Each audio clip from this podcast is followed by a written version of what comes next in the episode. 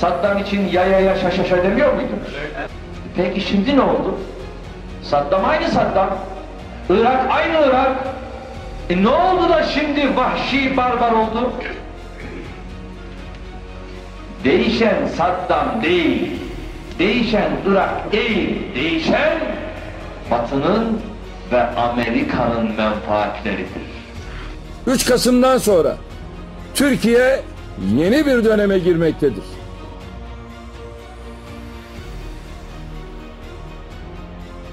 Uh, you're a strategic ally and friend of the United States, Siz e, Amerika'nın stratejik bir dost ve müttefiksiniz and we look forward to uh, working with you to keep the peace.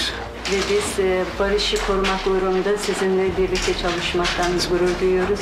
Irak konusu da gündeme geldi ve bu konuyla ilgili de bizden Amerika'nın böyle bir destek talebi oldu. Bu konuda yine Türkiye Büyük Millet Meclisi'nin karar merci olduğunu söyledik. Herhangi bir böyle söz vermek, taahhüt altına girmek böyle bir şey olmamıştır.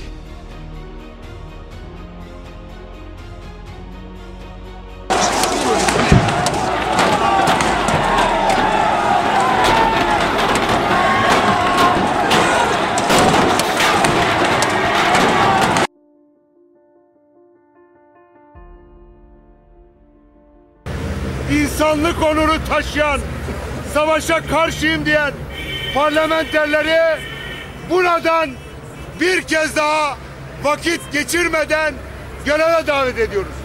Sağduyuya davet ediyoruz. Emperyalist bu savaşın durdurulması için herkese görev düşüyor.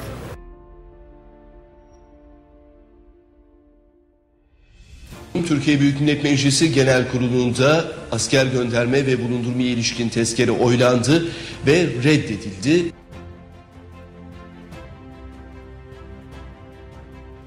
Dedik ki ileri demokrasilerde, sağlıklı işleyen demokrasilerde olması gereken neyse bunu yapalım. Ee, sanıyorum bu konudaki adım herhalde biraz erken attık. Öyle mi? Öyle, öyle geliyor bana.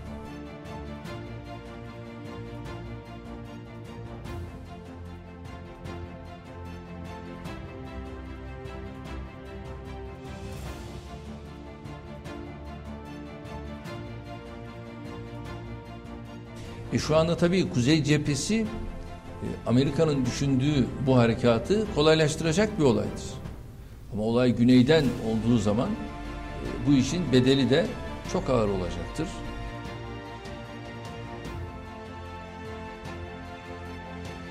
Meclis kararını verdi 1 Mart'ta. Tayyip Bey başbakan oldu 14 Mart'ta. Başbakan olduktan sonra 18 Mart'ta meclise 1 Mart'ta reddedilen tezkerenin yerine yeni bir tezkere gönderdi. Meclis karar vermiş. Siz meclise yok sayıyorsunuz. Yeni bir durum yok. Yeni bir şart yok.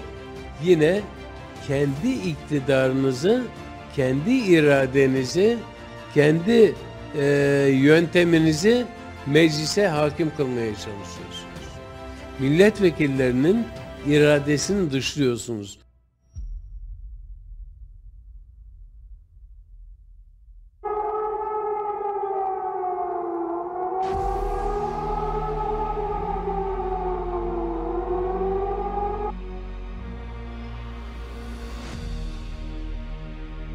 Sizi hemen kesiyorum. Başkan Bush konuşmaya başlıyor.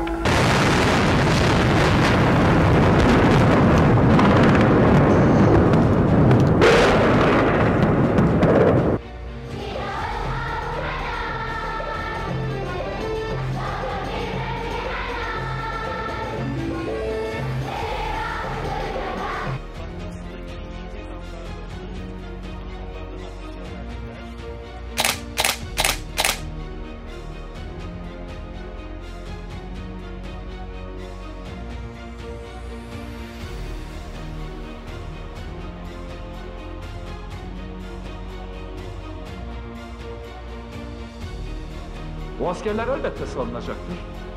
Alınıp öldürülecek değildir. Ya da Guantanamo'daki terörist üstüne taşınıp orada sorgulanacak değildir. E bırakılınca konu bitmemiştir. Niçin alınabilmiştir? Sorun diplomatik bir nezaket içinde aşılmıştır. Ve ne söylediysek, ne görüştüysek ondan sonra da o uygulamaya girdi. Yanlış bir hesap Bağdat'tan döndü. Sayın Başbakan'ın diplomatik notanın ne anlama geldiğini bilmediğine tanık oluyoruz. Sayın Başbakan notayı ultimatomla karıştırıyor. Böyle bir ortamda nota gerekmezse ne zaman gerekir? Öyle kalkıp nota verecek misiniz? Ne notası veriyorsun? Onu söyledim. Müzik notası mı bu? Sayın Başbakan'ın bu konudaki laubali değerlendirmesi notayı müzik notasına paralel bir şekilde yorumlama çabası durumun ciddiyetinden ne kadar uzak olduğunun bir göstergesidir. 2003'teki çuval operasyonu desem, Pentagon'un IŞİD planını hazırlayan kişi desem, yapmayın ya diyeceksiniz. Aynı soruyu da soruyorsunuz. Peki Türk askeri bu komutanın emrine mi girecek? Biz de aynı soruyu sorduk.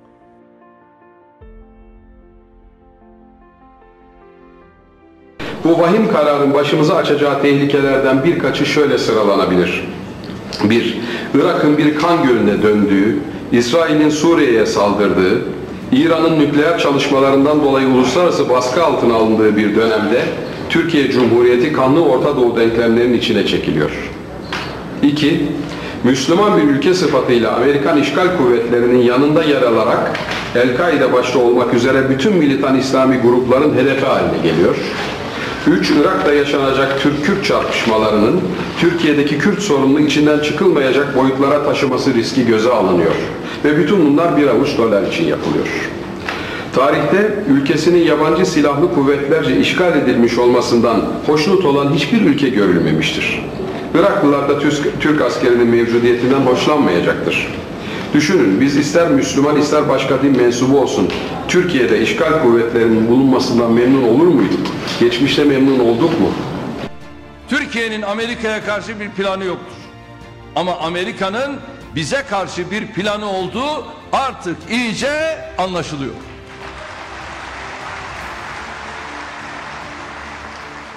Buna nereden geliyorsunuz? Nereden geldin?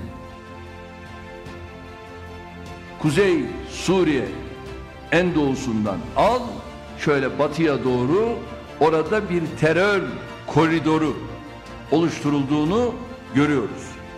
Ve bu terör koridoru içerisindeki kurulmakta olan üsler